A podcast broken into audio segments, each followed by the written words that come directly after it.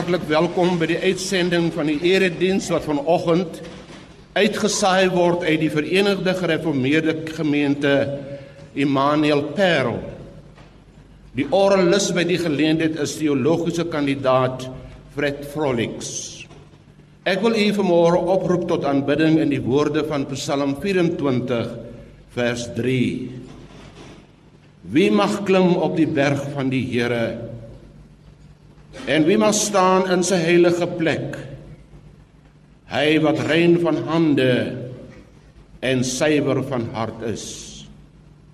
Broers en susters, ek groet u genade en vrede van ons onsse Vader en in Christus Jesus ons Here deur die kragvolle werkinge van die Heilige Gees. Die lofsang van die gemeente is gesang 22 vers 1 tot 4. Ek lees vir u vers 1. Juig aarde, juig voor God die Heer. Dien hom met blydskap, gee hom eer. Kom met 'n vrolik lofgedig en jubel voor sy aangesig. Gesang 22 verse 1 tot 4.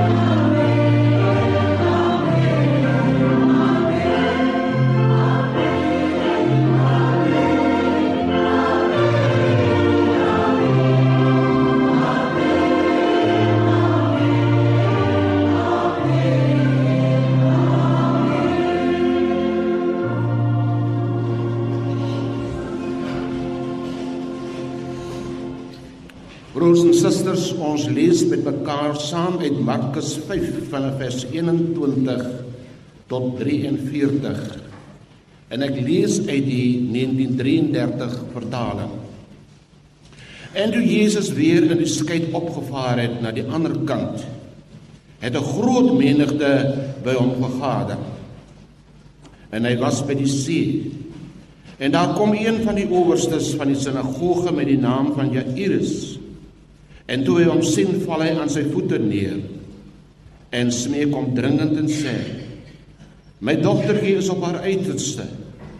Kom lê haar die hande op sodat sy gesond kan word en sal lewe. En hy het saam met hom gegaan. En 'n groot menigte het hom verdring. En 'n sekere vrou wat 12 jaar lank bloedvloeiing gehad het, en veel onder geneesere gelei het en al haar besittings uitgegee het sonder om enige baat vind, maar eerder erger geword het, het van Jesus gehoor en onder die skare van agter gekom en sy kleed aangeraak. Want sy het gesê as ek maar net sy klere kan aanraak, sal ek gesond word. En dadelik het die fontein van haar bloed opgedroog en sy het aan haar liggaam bemerk dat sy van haar kwaal genees was. En dadelik toe Jesus in homself die krag gewaar word wat van hom uitgegaan het, draai hy hom om onder die skare en sê: "Wie het my klere aangeraak?" En sy disippels antwoord hom: "U sien dat die skare u verdring." En hy sê: "Wie het my aangeraak?" Toe kyk hy rondom hom om haar te sien wat dit gedoen het. Die vrou was bevrees en gebeef. Kom en val voor hom neer en vertel hom die hele waarheid. En hy sê vir haar: "Dogter, jou geloof het jou gered. Gaan in vrede en wees van jou kwaal genees." Terwyl hy nog spreek, kom daar mense van die owerste van die sinagoge se huis en sê: "U dogter is dood. Waarom val u die meester nog lastig?" Maar dadelik toe Jesus die woord hoor wat gespreek is, sê hy vir die owerste van die sinagoge: Moenie vrees nie, glo net. En hy het niemand toegelaat om saam met hom te gaan nie behalwe Petrus en Jakobus en Johannes en die broer van Jakobus. En hy kom in die huis van die owerste van die sinagoge en sien 'n moer mense wat baie ween en huil. En toe hy binnekom, sê hy vir hulle: "Waarom gaan julle so te kere en ween julle? Die kind is nie dood nie, maar slaap." En hulle het hom uitgelag. Maar hy het almal uitgedryf en die vader en van die kind saamgeneem en die moeder en die wat by hom was en ingegaan waar die kind lê. Toe gryp hy die kind die hand van die kind en sê vir haar: Talita kumi. Wat as dit vertaal word beteken dogtertjie, ek sê vir jou staan op. En die dogtertjie het dadelik opgestaan en begin rondloop want sy was 12 jaar oud. En hulle was uitermate verbaas. En hy het hulle met nadruk beveel dat niemand dit moet weet nie en gesê dat daar vir haar iets te ete gegee moet word.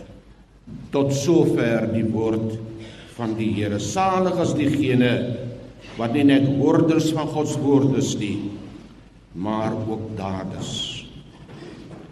Broers en susters, die teks van ons oordeenking is Markus 5 vers 36.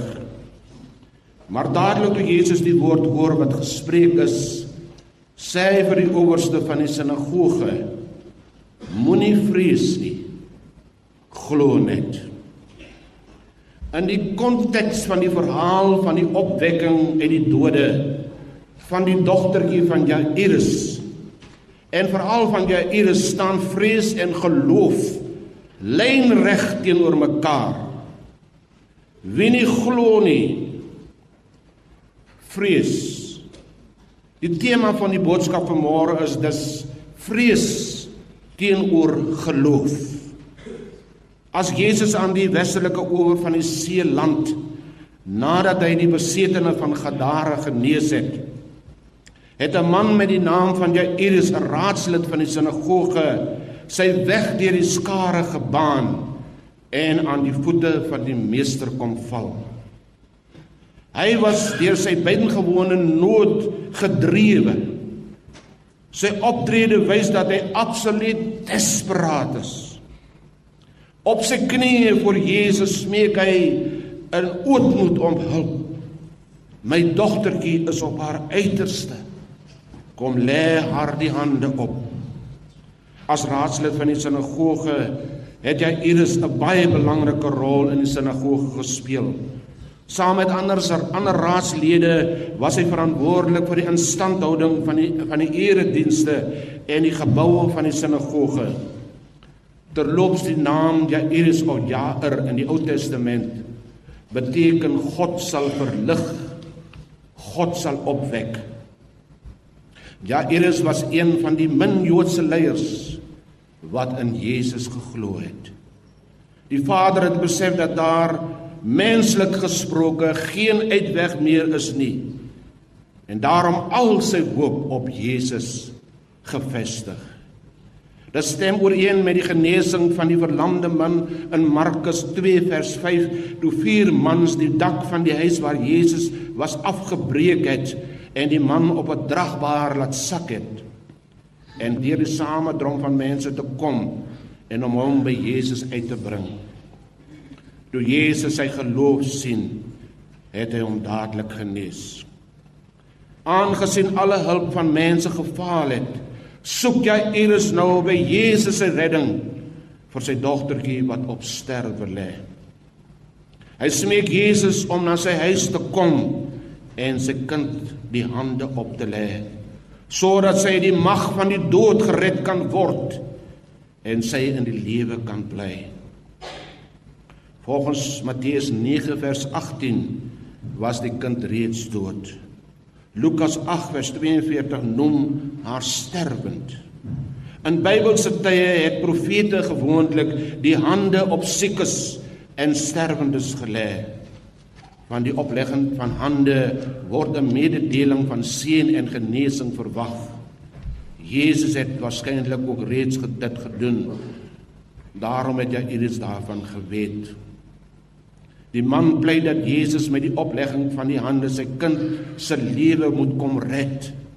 Lukas gee 'n bietjie meer inligting oor die dogtertjie. Hy sê sy was die enigste dogter van Jairus. Dis baie kosbaar vir hom. En sy was omtrent 12 jaar oud. Met ander woorde, sy was maar baie jonk. Haar lewe het nog voor haar gelê. Miskien het haar ouers nog soveel mooi drome vir haar gehad. Jesus het sonder versuim aan die hartverskeurende Vader se versoek gehoor gegee. Hy moes ook die geloof van die Vader opgemerk het, naamlik dat hy glo dat Jesus sy enigste hoop is. Op weg na Jairus se huis word Jesus deur 'n groot skare verdring, moontlik ten dele uit nuuskierigheid of sensasie jag. Die menigte het vir Jesus dit moeilik gemaak om so vinnig as moontlik te beweeg om by Jairus se huis uit te kom. Hierdie omstandighede skep verdere situasie vir die genesing van 'n bloedvloeiende vrou. Die vrou raak Jesus se kleed aan en word genees. Jesus voel die krag wat uit hom uitgaan as die vrou in die gedruk aan hom raak. Na aanleiding van die vrou se genesing ontstaan 'n gesprek. Dit alles vertraag Jesus om by Jairus se huis uit te kom om vir die sterwende kind genesing te bewerk. Terwyl die wonderbaarlike genesing van die ongelukkige vrou plaasvind, wag daar mense by die huis van Jairus wat in doodsangs by die sterfbed van die kind staan. Te vergees word daar gewag op die koms van Jesus van die kind sterf. Jesus is te laat. Te vergeefs is daar gehoop. Onbewus daarvan is Jesus met Jairus op pad. Dit is dan dat 'n boodskapper hulle tegemoet kom met die treurige nuus: die kind is dood. Moenie die meester verder lastig val nie. By die grense hou menslike verwagtinge op. Watter ontsettende tyding vir die Vader. Hy gee alle volharding op. Verstaan, verslaas laat hy sy arms sak. Hy is stom geslaan en versla met twyfeling in sy hart kyk hy na Jesus. In magteloosheid staan hy daar voor 'n deur wat in sy gesig toe geslaan is. Vrees oorweldig hom. Alles lyk so donker. Hy het te vergeefs gehoop. Dit maal deur sy kop, my kind is. In die woorde van ons teks spreek Jesus toe vir Jairus in die donkerste oomblik van sy lewe aan. Moenie vrees nie. Glo net. In die 1983 vertaling lees ons moenie on, jou ontstel nie, glo net. En die New Revised Bible sê, se teks lees do not fear, only believe. Moenie bang wees, glo net. Daar is dis 'n verskil tussen vrees en om ontstel te wees. Vrees beteken om bang te wees, angstig te voel, beangst te wees. Dit beteken om jou oor iets oor of oor, oor iemand te bekommer, iets wat ongewens is. Om ontstel te wees beteken om jou te laat skrik of te verwar. Byvoorbeeld slegte nuus kan 'n mens erg ontstel. Wat is vrees dan eintlik? Vrees is 'n mag uit die duisternis. Na mate dit toegang tot die siel van die mens kry, word jy in sy greep oorweldig. Ontsteltenis kan oorgaan tot vrees. Watter mens sidder nie as hy gekonfronteer word met iets wat sy bestaan bedreig nie. Een of ander tyd word ons almal gekonfronteer met 'n krisis in ons lewe. In sulke omstandighede voel ons of ons voor 'n dreigende afgrond staan. Asof alles rondom ons in mekaar tuimel. Asof ons geen koers en geen rigting het nie. Of ons by 'n doodloopstraat gekom het. Dit wat so van selfspreekend aanvaar word word dikwels aangetas ons besittings ons gesondheid ons posisie ons werklus ons ywer ons huwelik noem maar op Ek dink vanmôre aan baie belowende boere wat die afgelope tyd deur die droogte alles verloor het. Hulle veevrek in hulle landery gaan tot niet. En elke dag kyk hulle op na die hemel en bid vir reën, maar niks gebeur nie. Ook hulle ervaar 'n gevoel van vrees wat hulle lewensvreugde bedreig. Ek dink dat die vrees wat in ons harte leef oor geliefdes wat op ver afgeleë geleë plase woon en wat moontlik die prooi van en slagoffer van gewetenlose moordenaars mag word. Hoeveel plaasmoorde het nie onskuldige mense se lewens beëindig nie. Ek dink aan ons gesinne wat in bende getuisterde gemeenskappe in die Kaapse vlakte en ander dele van ons land woon en wat daagliks vrees dat hulle kinders kan sterf tydens bende gevegte wanneer daar oor en weer skietery plaasvind. Ook in ons eie dorp in paar oos lewe mense in vrees elke dag van weer toenemende bende gevegte wat soms tragies eindig. Ek dink aan die ongekende toename van groot aantal mense in ons land wat daagliks werkloos word. Daar is geen inkomste nie en talle gesinne ly broodsgebrek. Hulle weet nie of hulle môre brood op die tafel sal hê of 'n dak op hulle kop nie. Met die verslegtende ekonomiese toestande in ons land wat gepaard gaan met 'n daaglikse stygende voedselpryse, word alle hoop op uitkoms al hoe skraler. Ek dink aan talle gesinne en veral kinders wat ernstig geraak word deur gesinsgeweld en egskeidings. Ek dink aan baie mense wat vir jare met depressie worstel en wat elke dag met 'n donker wolk bo hulle koppe wakker word en kragteloos uit hulle beddens opstaan. Mense wat lewensmoeg geword het en wat nie krag het om die lewe aan te durf nie. Mense wat nie langer wil leef nie en liewer 'n einde aan hulle lewens wil maak. Ek dink aan ouers wat besorg is oor hulle kinders wat aan dwelms verslaaf is en wat heeltemal weggedwaal het. Ek dink aan diegene wat onlangs die verdoemende uit, uitslag van hulle geneesheer verneem het toe 'n kwaadaardige gewas in hulle liggaam ontdek is. Dit is alles dinge wat ons moontlik vanoggend met vrees vervul en wat besig is om ons harte in 'n dodelike greep te omklem. Ook ons geloof word dikwels bedreig. Ons het gedink dat ons bo versoekings verhewe is. En dan ontdek ons dat ons veel swakker is as wat ons gedink het. Vrees oorweldig ons wanneer ons gekonfronteer word met die aanslae op ons lewens. Dit maak ons wanhoopig en soms begin ons selfs in God twyfel. Ja, dit kan so maklik aanleiding gee tot geestelike twyfeling en totale mismoedigheid. Die gevoel van vrees wat u lewe bedreig, is nie uniek nie. Die gevolg van vrees en twyfeling wat selfs die lewe van godsmanne soos Elia uh toe hy by die in die donkerste uur van sy lewe onder 'n besembos tot die Here gebid het, dit was ook daarteenwoordig. Onthou nog hoe hy gesê het, nou is dit genoeg, Here, neem nou my lewe. Selfs Jesus van Nasaret roep in sy smartlike oomblikke aan die kruis amper wanhoopig uit: "My God, my God, waarom het U my verlaat?" Miskien ervaar u ook vanoggend 'n gevoel van vrees van wie een of ander krisis in u lewe. U voel ook dat God u vergeet het. Dat u alleen staan, u voel so hopeloos asof die die deur in u gesig toe geklap het. Miskien het u alle hoop op uitkoms laat vaar. Maar daar's geen verdere en dat daar geen verdere verwagting in die lewe is nie. U het e geen uitsig op die lewe nie. Alles rondom u lyk so donker en so verlore. U voel vanoggend asof u by wyse van spreuke in 'n donker put van wanhoop vasgedruk word en dat daar geen hoop op ontsnapping is nie.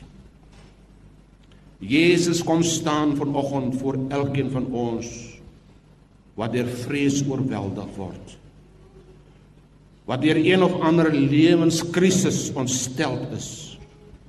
En hy sê vanoggend vir ons: Moenie vrees nie. Glo net. Reg teenoor vrees staan geloof. Dit was Jesus se woorde aan Jairus. Die oomblik toe alles so hopeloos en verlore vir hom gelyk het, Vir die mense is die enigste kans dogtertjie gehad het om te, te kan lewe. Hulle het geglo dat Jesus nou nie meer kan help nie, dit is verby. By die aankoms van die sterf by huis van Jesus dat die mense reeds volgens oosterse gebruike luidrigtig rou bedryf. Moontlik was dit die geween van gehuurde roubeklaars. Sag maar beslis spreek Jesus hulle aan. In so 'n geval sou eerbiedige stilte meer gepas het. Dan sê Jesus 'n vreemde ding. Die kind is nie dood nie, maar slaap. Op daardie oomblik het die mense begin lag. Dit was vir hulle 'n groot grap. Dit grens aan belaglikheid. Dit was lagwekkend vir hulle. Hulle was daar toe die kind gesterf het. Hulle het gesien toe sy haar asem uitgeblaas het.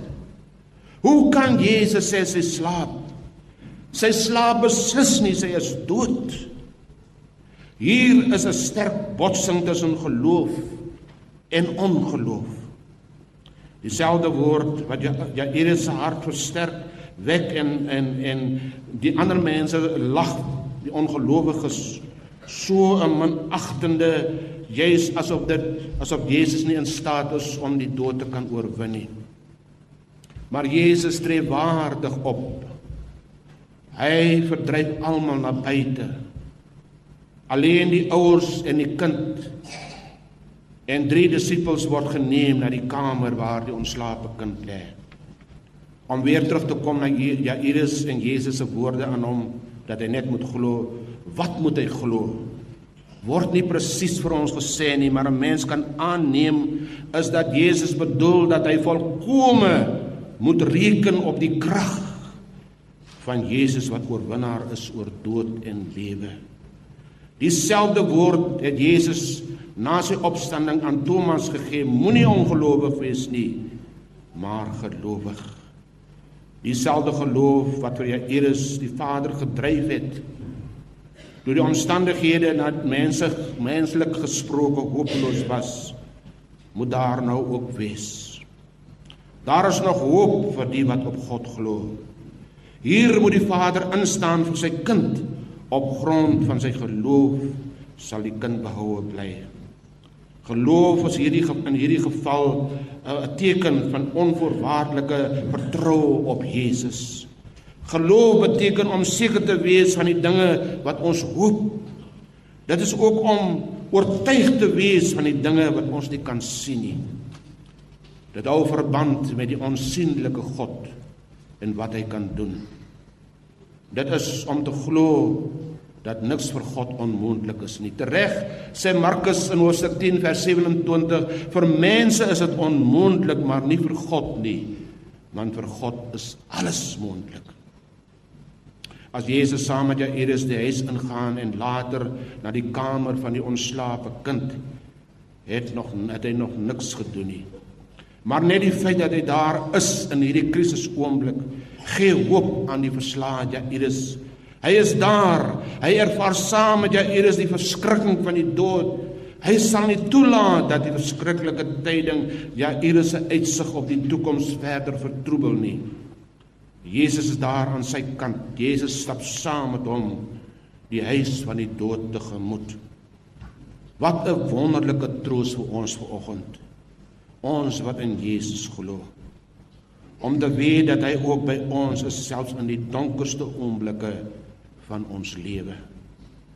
Wanneer ons verslaan en platgeslaan is deur een of ander krisis in ons lewe, is Jesus aan ons sy. Hy laat ons nie alleen nie. Hy loop saam met ons die pad al lyk dit donker en uitsigloos. Ons is nie alleen nie. Hy is daar vir ons. Hy beloof vanoggend in Jesaja 43 vers 2 vir ons wat soos Jairus worstel met 'n lewenskrisis, moenie bang wees nie. Ek verlos jou, ek het jou op jou naam geroep, jy is myne. As jy deur die water moet gaan, as ek by jou deur die riviere, hulle sal jou nie wegspoel nie. As jy deur die vuur moet gaan, dit sal jou nie skroei nie. Die vlamme sal jou nie brand nie. Hy sê verder in vers 5 as hy hierdie belofte herhaal, moenie bang wees nie. Ek is by jou.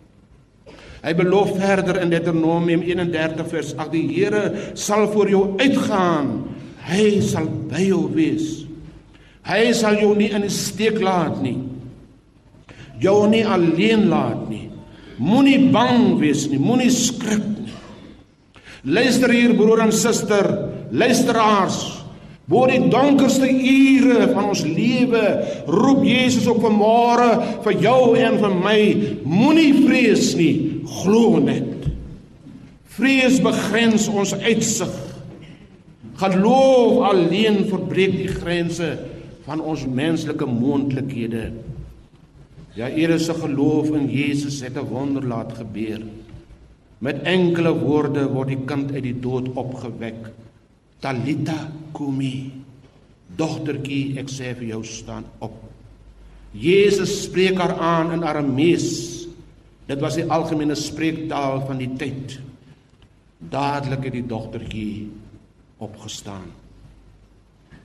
Deur in Christus glo te glo, kan die spanning en die angs en die vrees plek maak vir hoop, vir vertroue, vir geloof. Wat u vanoggend vrees, wat spanning en angstigheid ook mag wees waarmee u worstel, stel u vertroue in hom wat die onmoontlike moontlik kan maak. Onthou ook dat niemand van ons is immuun teen dinge wat hartseer en angstigheid in ons lewens bring nie. Siekte, pyn, teleurstellings, beproewings mag een of ander tyd op ons pad kom. Ons is almal kwesbaar. Wat ons wel weet is dat geen probleem ooit so groot is dat ons dit nie met God se krag en bystand kan oorwin nie. Daarvoor sal die Here sorg. Moet dus nie vanmôre angstig word. Moenie moed verloor nie. God sal op sy tyd uitkoms gee. Geloof beteken vir my om kinderlik afhanklik onder alle omstandighede aan die Here vas te hou. Hy sal u deurdra, my broer en suster, ook in die moeilikste tye van u lewe. Moenie vrees nie. Glo net. Amen. Kom ons bid saam. Hemelse Vader, U ken ons lewens en U is vanoggend bewus van die dinge in ons lewens waarmee ons worstel en wat ons harte met vrees vervul. Daar is so baie van ons wat vanoggend in angstigheid en moedeloosheid en in twyfel verval het. Wat nie weet waarheen ons met ons sorges moet vlug nie. U woord sê vir ons in Psalm 55 vers 23: Laat jou sorges aan die Here oor. Hy sal vir jou sorg. Hy sal die regverdige nie in die steek laat nie. Wat die rede vir ons angstigheid en vrees ook mag wees, ons bring dit ver oggend na U toe omdat U magtig is om die onmoontlike moontlik te maak. Dat alle mag in hemel en aarde aan U gegee is. Ons glo dat U ons Vader en Verlosser vanoggend gereed staan om net 'n magswoord te spreek en die wonder sal ook in ons lewens plaasvind. Here, ons gee ons geloof aan U en ons vertrou dat U ons sal help en dat ons in die donkerste ure nie hopeloos sal word nie. Amen. Die slotsang van die gemeente is gesang 302. Ek lees die eerste vers: Nooit is hy verlate wat op God vertrou, sou ek aan hom twyfel en op sandgrond bou. Nee, God het beloof hy stel nooit te leer. Eerder val die hemel as dat dit gebeur. Hmm.